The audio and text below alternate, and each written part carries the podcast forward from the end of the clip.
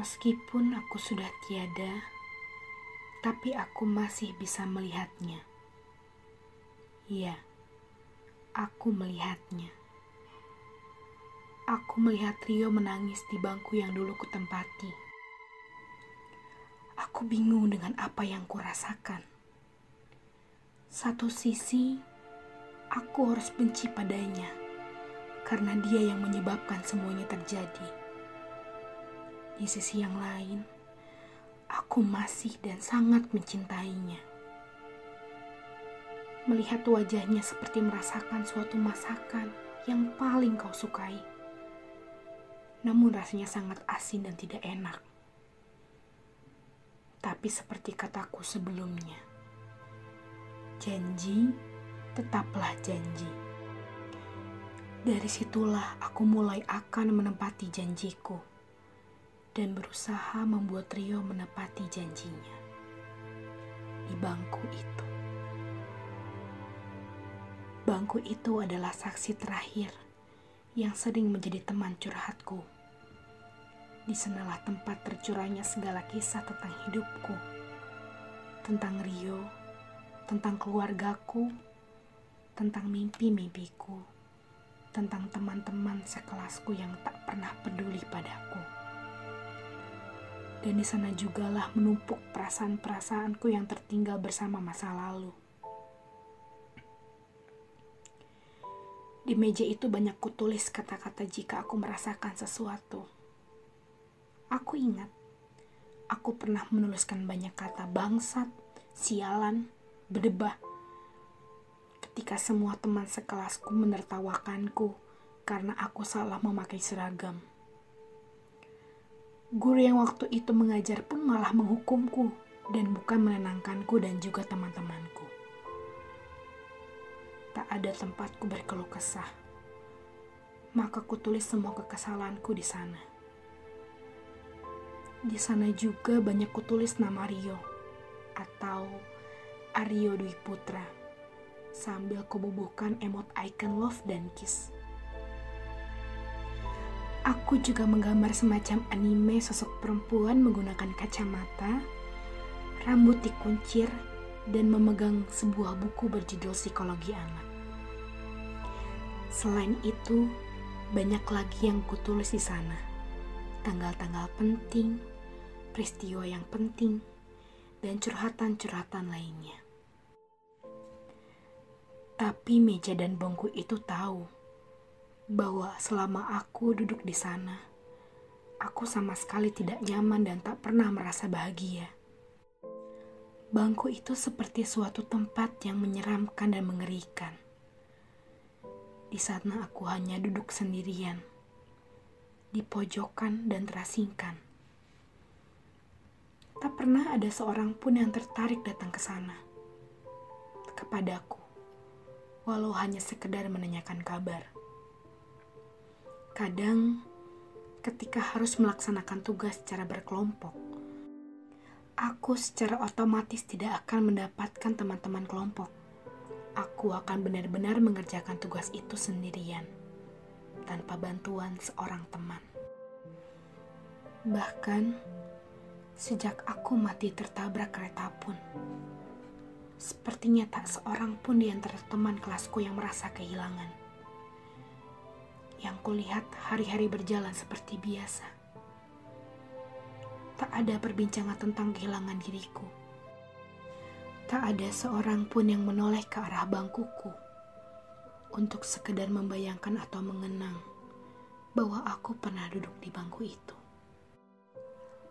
Hal itu seperti menggambarkan jelas bahwa aku dan bangkuku memang tidak pernah ada sama sekali sebelumnya. Padahal sampai sekarang, kadang aku duduk di bangku itu, mengikuti pelajaran seperti biasanya.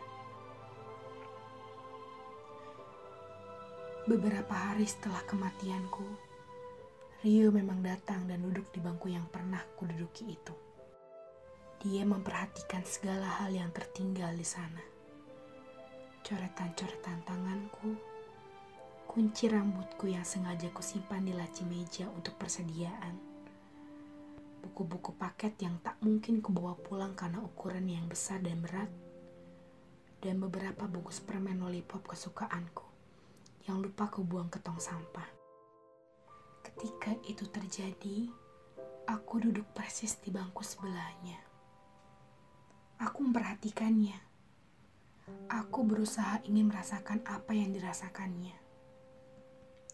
Aku berusaha untuk iba, tapi aku tidak bisa.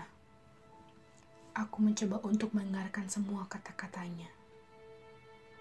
Sambil menangis, Rio memang terus menyebut namaku dan mengatakan bahwa dia menyesal dan menginginkanku kembali. Tapi semua orang pun tahu bahwa penyesalan adalah bukti terkuat bahwa sesuatu tidak bisa terulang lagi. Tak bisa kembali lagi dan tak bisa diperbaiki lagi. Setelah itu, hampir setiap hari Rio datang ke bangku itu setelah pulang sekolah. Di bangku itu Rio hanya melamun, seperti memikirkan sesuatu. Kadang dia menulis beberapa kata di meja, atau menggambar sesuatu di meja. Dia seperti membayangkan bahwa dia sedang berkomunikasi denganku lewat kenangan-kenangan yang ada di meja itu. Dia menulis sabar untuk menjawab kata-kata kasar yang pernah kutulis. Dia menulis namaku di sana, lalu menambahkan emot icon yang sama, sehingga kedua emot icon itu seakan berciuman. Di sana juga dia menggambar sosok laki-laki berkacamata. Rambut lurus disisir ke pinggir kiri, tersenyum, dan mengacungkan dua jarinya. Lelaki itu membawa tas besar semacam carrier. Gambar itu persis gambar dirinya sendiri, dan dia letakkan di sebelah gambar diriku. Kadang Rio datang ke kelas, lalu menuliskan beberapa kata di papan tulis, seperti Anggi, apakah kamu di sini?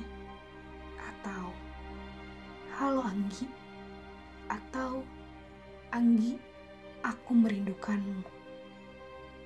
Setelah itu dia duduk di bangku deretan depan dan membiarkan spidol itu di atas mejanya. Dia seperti menungguku untuk mengambil spidol itu lalu menulis jawaban atas tulisan-tulisan yang dibuatnya di papan tulis. Kadang dari bangku depan itu, Rio menoleh pelan sekali ke arah bangkuku, seperti berharap bahwa aku ada di sana. Aku memang ada di sana, memperhatikannya. Tapi dia tidak tahu, dan jangan sampai dia bisa melihatku. Melihat keadaan wujudku yang seperti sekarang. Setelah ujian nasional selesai, Rio jadi jarang mengunjungi bangkuku. Meskipun pada awalnya aku merasakan kebencian yang amat sangat padanya. Tapi ketidakhadirannya selama beberapa hari membuatku merasakan rindu padanya. Sampai suatu hari dia datang dan melakukan hal-hal yang sama.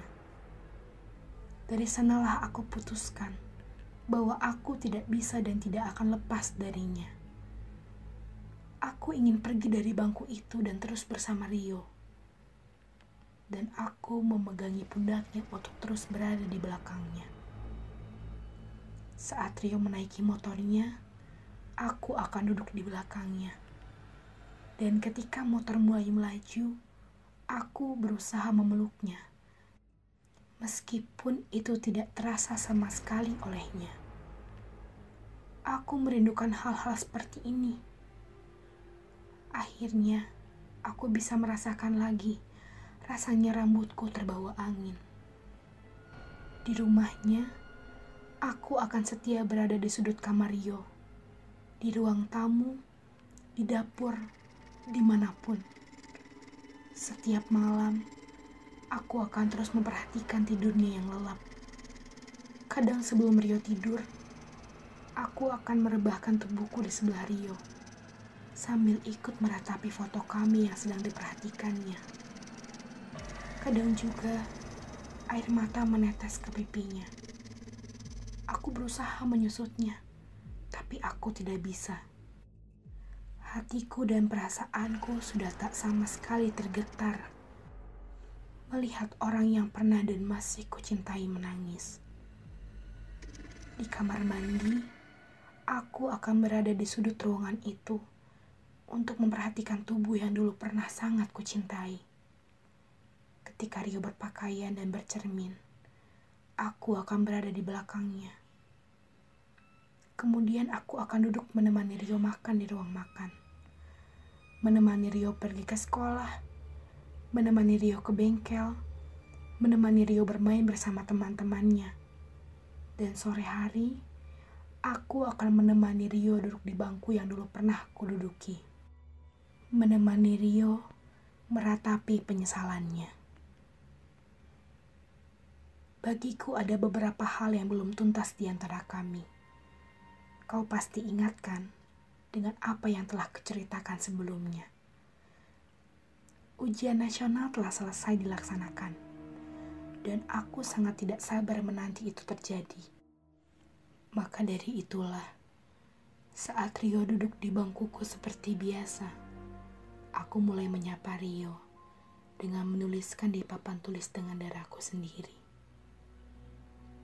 Hai Rio, bukankah janji itu harus dibuktikan dan ditepati? Dan aku melihat wajah Rio terkaget-kaget, seperti melihat sosok makhluk yang hancur tertabrak kereta dan masih dilumuri banyak darah.